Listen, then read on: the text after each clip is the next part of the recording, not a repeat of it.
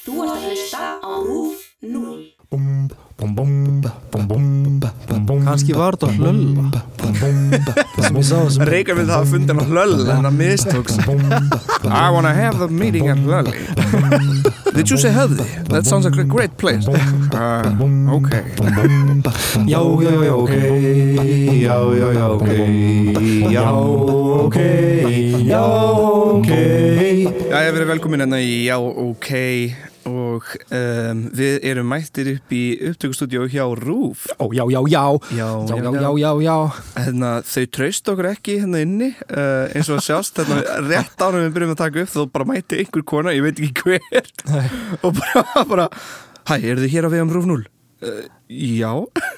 Og svo bara labba hún í burtu, þið höfum alveg getur verið að taka upp Æ, Ok. Bara, uh, Nei, við brutum stinga inn og við höfum bara að nota stúdíuð Vá, hvað það er hljóð einangraðin inni. Ég, ég hérna er alveg að. Ég fæ innlokunni kent ég, ég var að vel til í að sofa hér.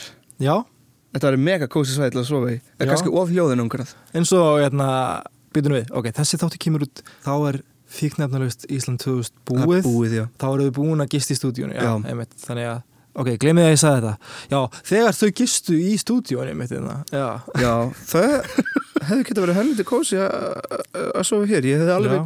geta verið til í að vera með þá hérna í stúdíun að sofa En já, var kannski ekki alveg En, en það þarf að taka margt inn sko. Um, Eins og um daginn þá kom hérna Mike Pence í heimsók já Þú veist hann kalla konu sína mother. Ha? Hann hefði sagt það ofinbyrlega sko Þetta er ekki einu svona umtal. Býtu, býtu, ok, býtu Er það því að, þú veist, út af börnunum þeirra? Ég hef enga hugmynd. Eitthvað svona Öruglega Ég veit ekki, spurðu mömmu þína eitthvað svona þannig.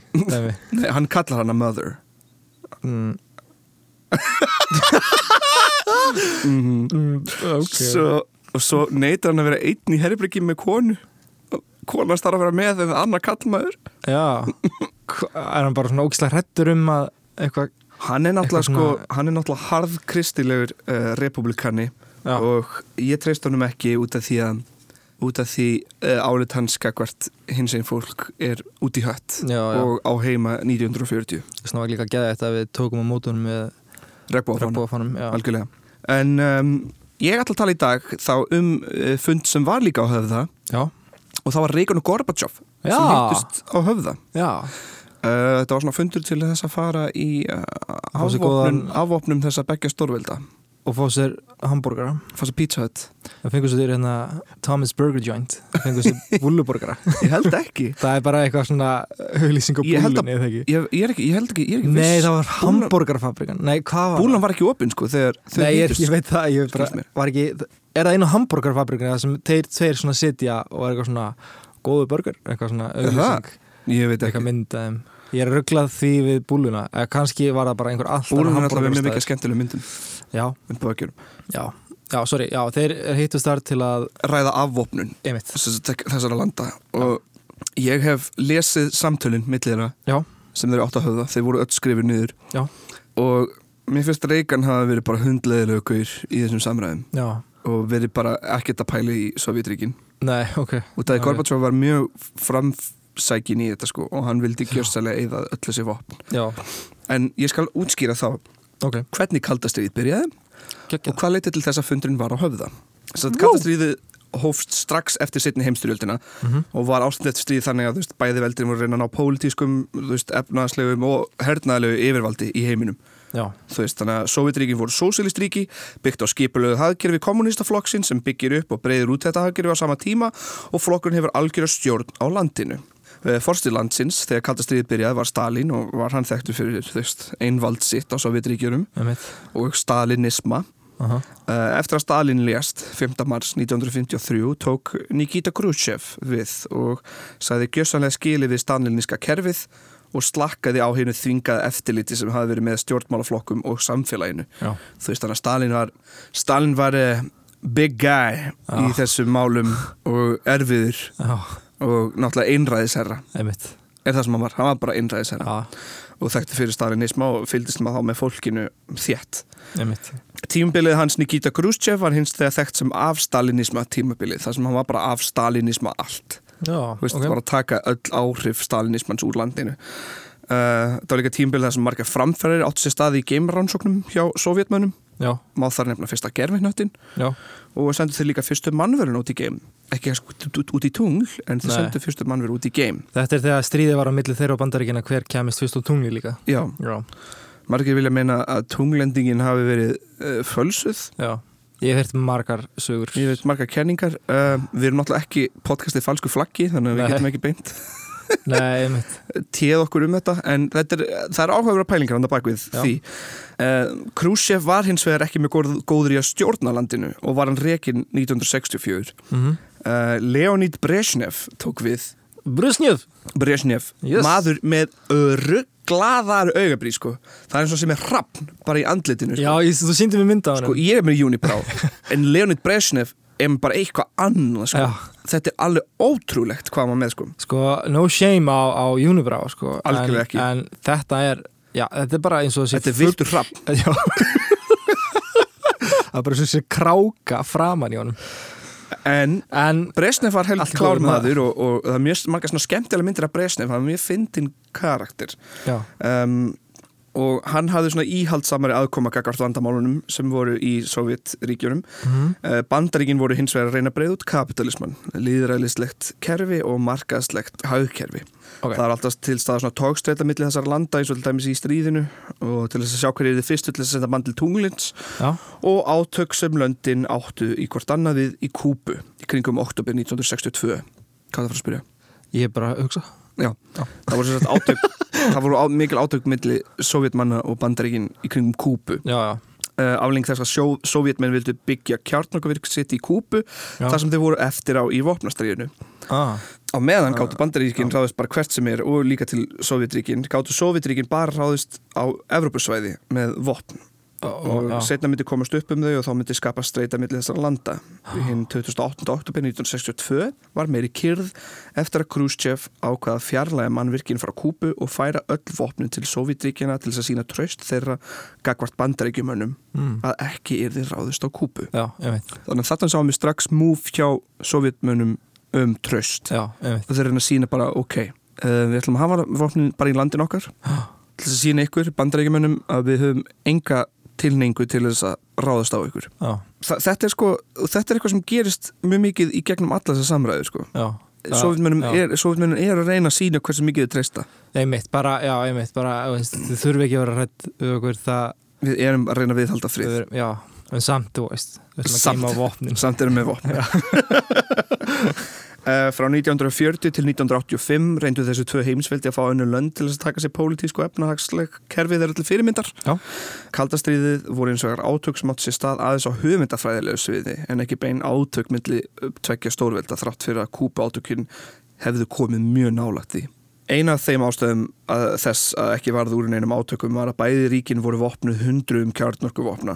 Þannig myndu vopnu átök því að endi beggja stórveldana. Já, Auk þess að valda skemmtum í öðrum löndum. Þannig ef... Stressful!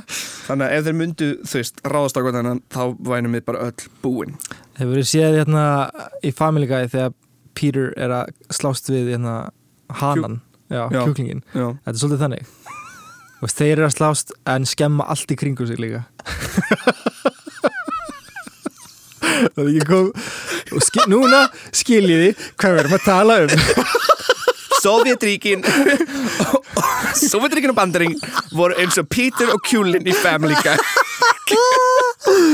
Uh, það fór svo bæði að, að, já, það fór þó þannig að bæði löndun enduði í átökum við löndin svo Kóriu og Vietnam Já, um, árið 1985 var Mikhail Gorbachev valin leiðtóði Sovjetríkjana og pólitísk hugtök hans voru mert af endurskipulagningu og gegnsægi mm. sem hafði för með sér annað viðhorf til umræðana um takmörkun vígbúnaðar já, nokkuð sem kom sér vel fyrir á tífambil kaldastriðsins já, ok. og þetta var þá 1985 þannig að þrjú ár eftir á Já, einmitt. þá Er það við að ég segi fættist þú!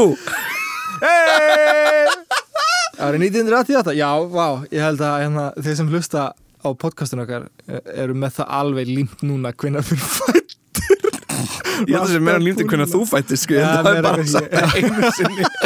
Bara málið er að við ræðum svo oft um hluti sem gerast í kring Ammali mitt, já, hvenær ég fættist. By the way, ég á ammali eftir uh, hvað, Já, þú ert alltaf ammæli kring þetta tímabil. Já, ég á ammali til þrjá daga. Þegar þessi þáttur er tekinu upp, ekki þegar hann kemur út. Oh my god, verðum að halda upp á það? Við verðum að Þrjá dagar, er það ekki bara, hvað, sunnudagur já. Ég á ammali á sunnudaginn Ok, ég kannski get þá verður bara Fagnaði á Einmitt, miðnætti? Ha, Já, ég þegar Korpa Allavega hana. Hérna við erum að plana ammælega spjörnins bara, hérna, hlusta eitthvað annað meðan. Nei, hérna. Þegar Gorbachev tók til starfa var fórsti bandaríkjana fyrirhundi leikarin Ronald Reagan. Ég Já. er ekki hrifin af Ronald Reagan. Nei, ég veit. Um, I know all about it Ég, uh, uh, þess má nefna Killer Mike gerði lag um pólitísk hugfar Ronald Reagan sem er mjög gott lag. Mm. um, Ah, Killer Mike maður. Geggjar, við erum búin að sjá hann. Við erum samanlega við erum búin að sjá hann live. Um, Reagan hafði mjög skýr og sterk markmið hvað var aðendi kjarnarku sprengjur og hann taldi vera algjörlega ómannúðlegar Mhm. kjarnarku Já, góðar fyrir ekkert annað en að drepa og gætu hugsanlega eitt öllu líf á jörðinni sem og menningu já, sem er alltaf bara satt. Uh, málið er, er á þessu tímabili þá var Reagan með uh, rugglaða pælingu Já, sem getur hver er að pæli í því sama núna. Herra Trump. Yes. Uh, sagt Reagan kom að fót eitt sem hétt SDI Strategy Defense Initiative árið 1983 mm sem var gert til þess að verja bandaríkin frá kjartnorku eldflögum og annars konar árásum með herrkjænsku Ok, basically það sem Reagan vildi gera já, var að setja vopn út í game já. til þess að venda bandaríkin. Þannig að það væru einhverja byssur út í geiminum Út í- að miða niður. Nú er náttúrulega eitthvað skrítið við þetta fjölnir. Út af því ef þú ert með byssur út í game sem geta með hvert sem er Já, þá ertu ekki kannski bara að verja þig þetta ertu líka komið með mjög góða stöðu. Já, það sem getur ráðist, ráðist auðvitað á önnur lönd.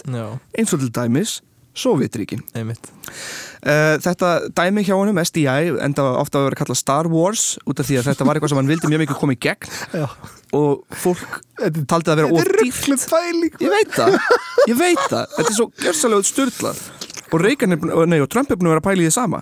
Ah, ok, já. Uh, allavega þetta SDI, þetta er allt og dýrt. Já, og að auki hjálpar þetta ekkert við viðræðum með, með Sovjetríkin nei Í viðræðum við Bandaríkin sá Sovjetríkin líka tækifæri til að semja um lækkun eldflöga Bandaríkjamanna gegn því að þeir sjálfur myndi minka þeirra magn af eldflögum af stuttu færi. Já, Fyrir bæði stórveldin voru samninga viðræður um takmörkun výbúnar mjög mikilvægir og stórt skrefi átt að takmörkun þeirra, skiljum. já, Vegna hins víða svæðir, uh, svæðis sem svona vopn myndu ná og sá gríðarlega mikil kraftur myndi því fylgja voru langdræðar eldflögar mjög mikilvægir í kjarnarkustriði. Auk þess voru sjávar eldflögar mikilvægir og voru þær skotnar úr kafbátum og náða að fara í cirka 8000 km fjarlæg. Einnig voru mikilvægar loft eldflögar en þær voru skotnar úr flugvélum með þeim tilgangi að fella aðra flugvélar eða vélar sem voru stattar á jörðu.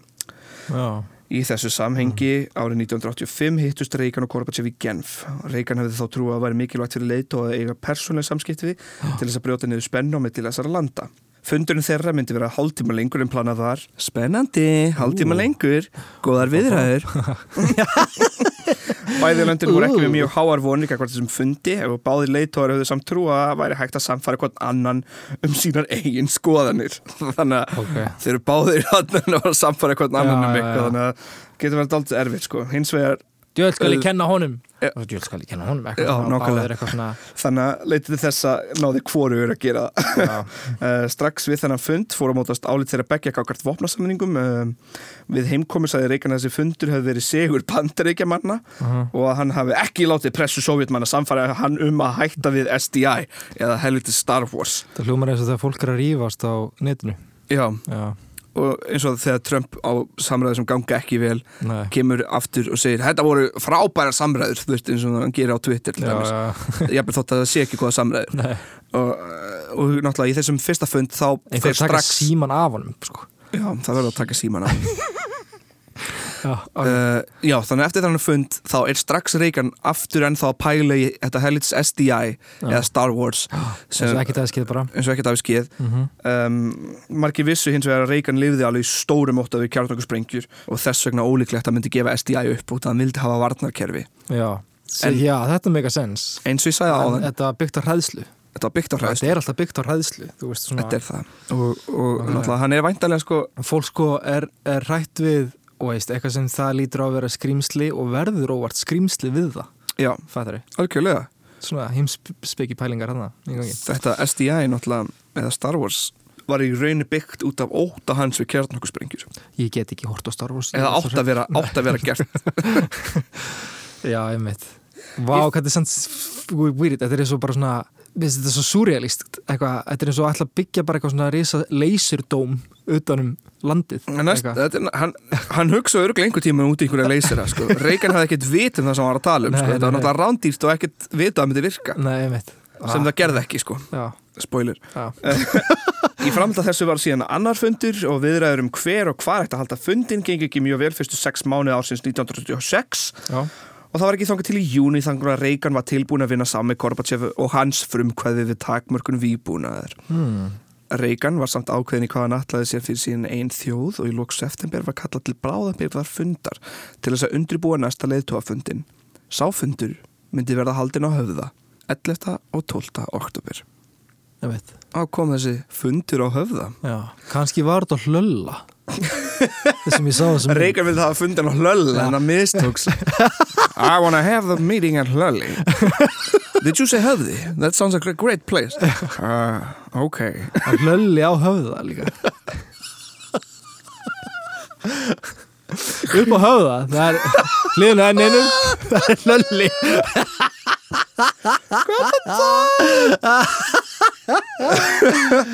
Æj, æj, æj Það voru blendna tilfinningar meðal manna um fundin á hlölla Já. Djók, um fundin á höfða strax frá byrjun uh, sumi fannst að Reagan ætti að passa sig á taktík sovjetmanna Já, eins og til dæmis Jack F. Kemp fyrir um ráðherra vestuparts New York og hann sagði þetta The Soviets expect meeting at Reykjavik to determine whether or not there will be a new arms control agreement. That is their definition of a summit. Arms control Soviet style. What the Soviet Union means when they talk about ending the arms race is to end the acquisition of arms by the United States.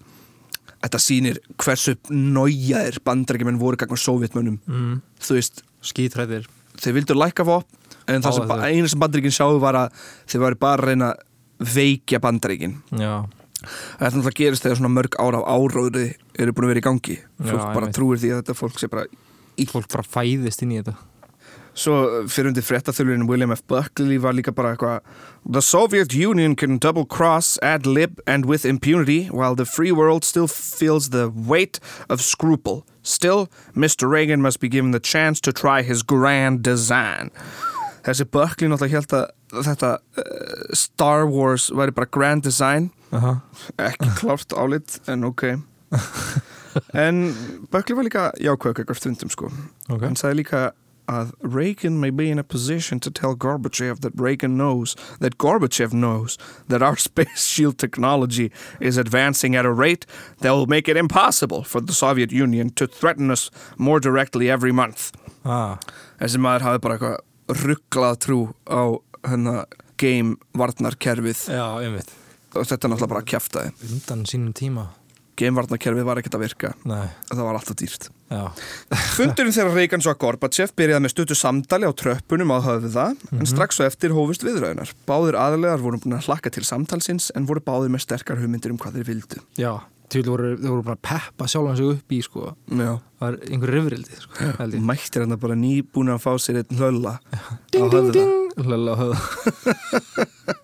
Uh, Reagan var ákveðin að tala um SDI og hann vildi auðljóslega beirast í stórum stílum átti kjarnanguvopnum sem þýtti bæði pólitískan og hugmyndafræðilegan bardaga. Já, Sovjetmenn kom hins vegar með drauga öðrum samningi.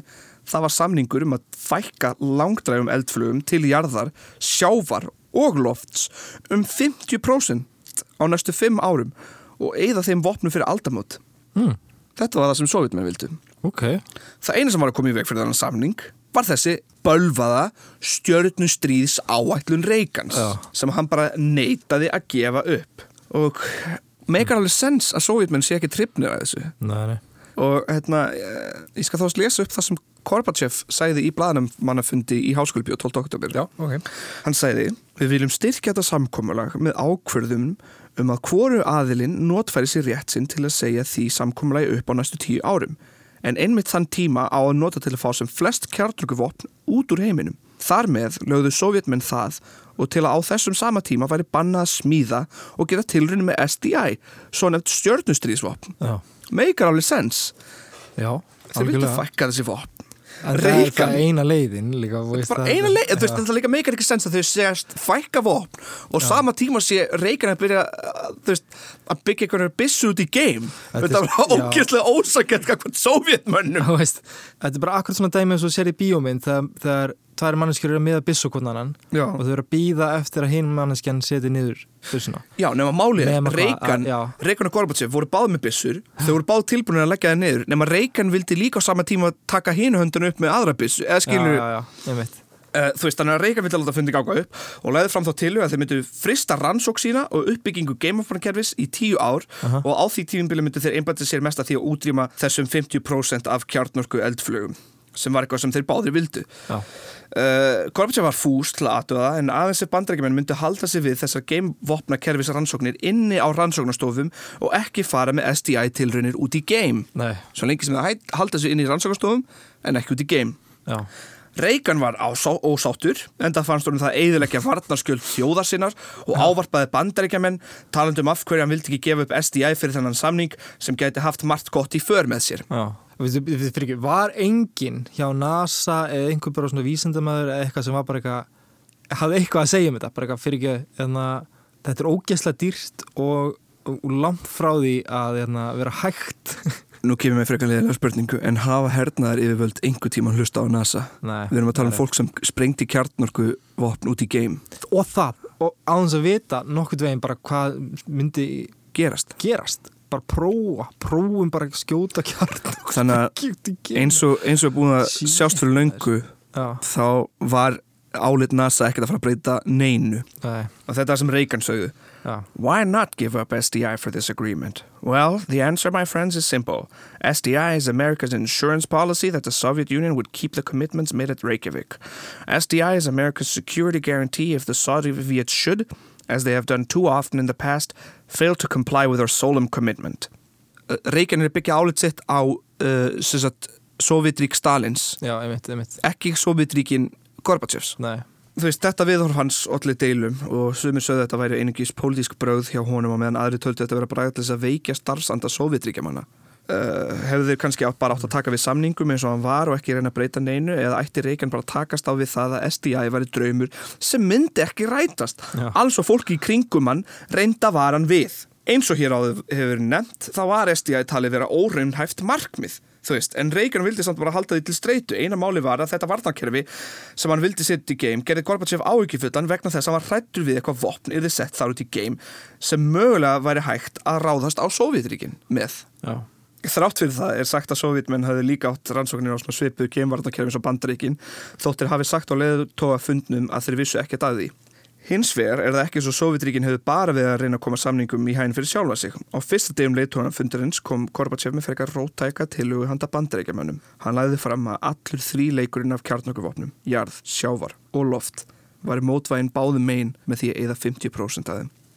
Sorry, ég, ég svona, þetta er svona mikil hugsun sko, sem fyrir, maður þarf að pæla í sko. mikið auðlýsingum Sumir segja að ég ég er að kasta hérna fram upplýsingum og hlustundur þið bara veist, þið uh, hlustið og reynið að skilja þið vilja og svo náttúrulega ég og fjölnir erum núna að fara að eiga bara samræður um þetta á lettari nátunum sem þá kannski útskýrir meira á einfaldari máta hvernig þetta var. Já, já. Þannig að þeir mæta þannig að funda höfða. Mm og Gorbachev vill taka 50% af öllum af allan þrýleikin, Já. sjávar, loft og jarðar kjarnakavoknum. -hmm. Reykjan er til í það en það er eitt sem Gorbachev vill líka og það er hann eigði þessa rannsók sem hann er með um að byggja já, um að byggja bara einhverja byssur út í game Já. út af því að þessar byssur uh, gætu tæknilega sér náð til Sovjetríkjana þannig að þú veist, ef það Já, myndi með á Sovjetríkin þá gæti þær gert eitthvað. Sem var good thinking. Var good thinking, Mhm. en Gorbachev líst náttúrulega væntalega ekki vel Út að hann er byrjað að að og Já. Já. Þetta SDI sko hefði líklegast af öllum líkindum ekki einu svona gengu upp jafnvel þótt að Gorbachev hefði samþykta þetta var bara alltaf dýrt. Það var ekki tæknin í tæknin í þetta var ekki til skilju Þú veist. Æ, Æ, einn búin að leika í aðeins mikið um kvikmyndum. Herra Reykján en það er ekki eins og að Reykján hafi verið með frábæristu hugmyndunar Reykjanomics frá því tímabili voru líka alveg hræðilegar. Ég meina, var það ekki hann sem líka eh, kom þræla úst, svona Nútíma- nútíma þræla- að stað nútíma þrælahald, einhvers konar. Með frí, því að láta fanga vinna. Já, frítt. Já, já. þetta er mjög satt. Og við það uh, hækkaði hérna, glæpum á samkvæmt tölum. Sengvað tölum, Já, já. og fangum og föngum, fungum, já, Já. og allt í Alveg. bara að vera að setja fólk í fangelsi sem átti kannski ekki endilega að skila að fara í fangelsi nei bara svo að það væri fritt vinnuafl Já. Algjörlega. Og svo, uh, þetta bara fyrir fólk til þess að googla uh, Íran kontra dæmið. Mm. Ó, ó baby, það var algjört mess. Um, American Dad gerður lag um Íran kontra skandalinn. Já, Já, þannig að ef þið farið uh, á YouTube og skrifið American Dad Iran... Seth er ekki að sponsa okkur sko Nei. ef þið farið uh, á YouTube og skrifið Iron Contra Song American Dad ég veit að margir fíla ekki Já, húmorn í jú, American Dad þá er já. bara geggjað lag um Já. það sko. Þannig að Reagan var ekki allra besti fósettin sko. Nei, um, þannig að það við hafa verið margir betri. Það verið margir betri. Og aðeins eitt verri. Um, einmitt og þið verða afsakið mig ef ég beri orð fram eitthvað slörrað eða eitthvað ég er að Nei, reyna líka besta svo bara, veist, þetta er mikið af upplýsingum Þetta er mjög mikið inn upplýsingum. og, En í raun og veru, já, þá, veist, í stuttum máli þá var þetta bara, þeir hittust þarna Mhm. til að, að reyna að sportna við kjarnokkur stríði, basically og reyna að komast að sátt með það að, að hætta að nota kjarnokkurvorp Mhm. og fækka og fækka og, og, og þeir þurfa þá einhvern veginn að mætast þarna meðri leið bara Já. með að fækka um 50% Mhm. en á saman tíma vildi hann að Reagan myndi á stað myndi þetta stjórnustríðspælingar myndu hætta Já, sem Reagan vildi ekki já, að því hann var með draumóra að Já. hafa einhverja leysibissur út í geim. 100 p um, hundahöfð hund, hundahöfðin. Höfðafundur. Höfðafundin var að mörgum fréttabröðum talin hafi verið mikil vondbriði uh, The Mm. Daily Telegraph var nú þegar ekki að búast til miklu og sagði að það hefði ekki þurft að búast til stórkostlegum árangri. Um, New York Times sagði að óknin sem hefði verið til staðar fyrir fundinum hefði orðið meir eftir þennan fund. Þegar spurningin um ábyrð hefur nú verið ítt til hliðar er spurningin um ógnina enn til staðar og í kjölfar Reykjavíkufundarins er hún nú meiri. Mm. Já. Fundurinn í Reykjavík leiti ekki til afvopnum kjarnökuvopna en var þá Reykjavík upphafið að hugmyndafræðilegri breytingu beggja stórveldana til þess að gefa skýrari afstöðu beggja? Mm. Þú tókst eftir ég gelti mækina það Já, ég er bara svo einbyttur að reyna að segja þessa setning sko. Já, ég, veit, ég, ég, ég verð að segja annars verður brúkslega skrítið að hefa gælt í mækin og, og ekkert kommenta það Er eitthvað að fyndi að hundar eru svona heyra eitthvað úti en er ekki alveg viss og er eitthvað svona við sofan Já, svona, veit ekki hvort þið eiga gælt það ekki uh. Þannig líður mér svolítið með hennar fund ég svona, hmm. En við Íslandinga vorum uh, mjög stolt að þeir höfðu hist hérna á Íslandi Já, það vorum við og hérna, eins og ég hef sagt áður að Ísland er, er svolítið svona nafli alheimsins, það er svo þægilegt einmitt að millir enda á Íslandi og eitthvað svona um, Algjörlega og einmitt ef þið ætla að hittast í miðjunni þá var gott fyrir, fyrir Sovjet og bandaríkin að hittast á Íslandi já, já. Og þess vegna eh, hefur herin oft reynd að vera á Íslandi amerski herin út af því að við erum svo góð við erum í svo góðri stöðu. Einmitt. Og um, já, þess vegna hefur uh, hervæðing Íslands alltaf verið dálitið í umræðu út af því við Já. erum í svo góðum staði í heiminum.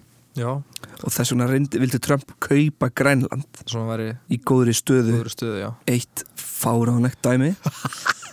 Hann er sko bara eins og þegar ég var fimm ára eitthvað svona Já, ég vil nammi! Eitthvað svona Sorry mamma og pappi ef ég var eitthvað frekk bann fara á Twitter og tala um hvað þú viljið nammi. Já, uh, Æ, veist, ég, já.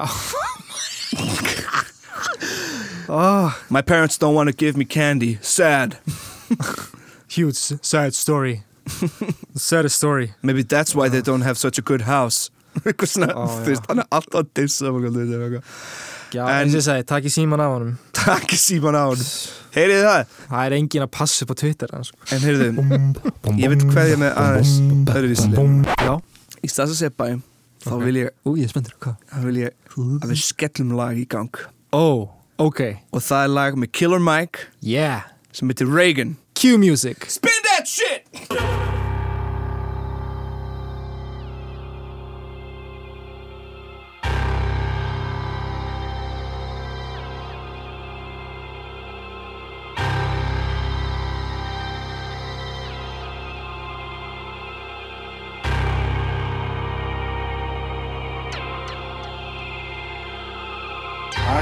Has a firm policy not to capitulate to terrorist demands, that no concessions policy remains in force. In spite of the wildly speculative and false stories about arms for hostages and alleged ransom payments, we did not, repeat, did not trade weapons or anything else for hostages. The ballad of the bullet, some freedom or some bullshit. Will we ever do it big or just keep settling for little shit? We brag on having bread, but none of us are bakers. We all talk having greens, but none of us own acres. If none of us own acres and none of us grow wheat, then who will feed our people when our people need to eat? So it seems our people starve from lack of understanding. Cause all we seem to give them is some ballin' and some dancing. And some talking about our car and imaginary mansions. We should be indicted for bullshit we inciting. Telling children death and pretending it's exciting. We are advertisements for agony and pain. We exploit the youth, we tell them to join the gang. We tell them dope stories, introduce them to the game. Just like Oliver North introduced us to cocaine. In the 80s when them bricks came on military plane.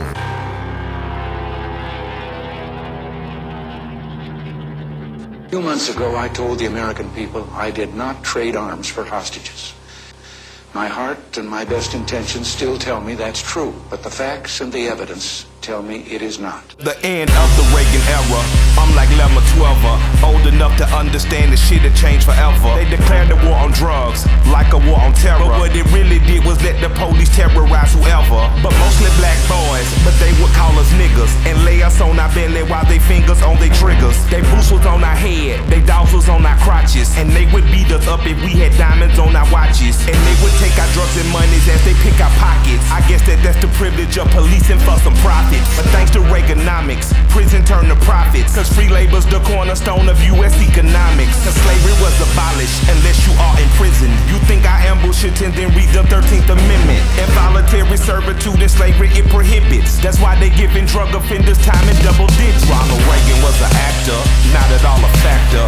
Just an employee of the country's real masters. Just like the Bushes, Clinton and Obama. Just another talking head telling lies on teleprompters. If you don't believe the theory, then argue with this logic. Why did Reagan and Obama both go after Gaddafi? We invading sovereign soil, going after oil. Taking countries is a hobby paid for by the oil lobby.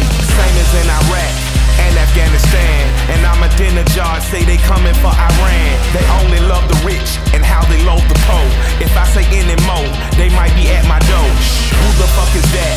Staring in my window, doing that surveillance on Mr. Michael Render. I'm dropping off the grid before they pump the lead. I leave you with four words. I'm glad Reagan dead.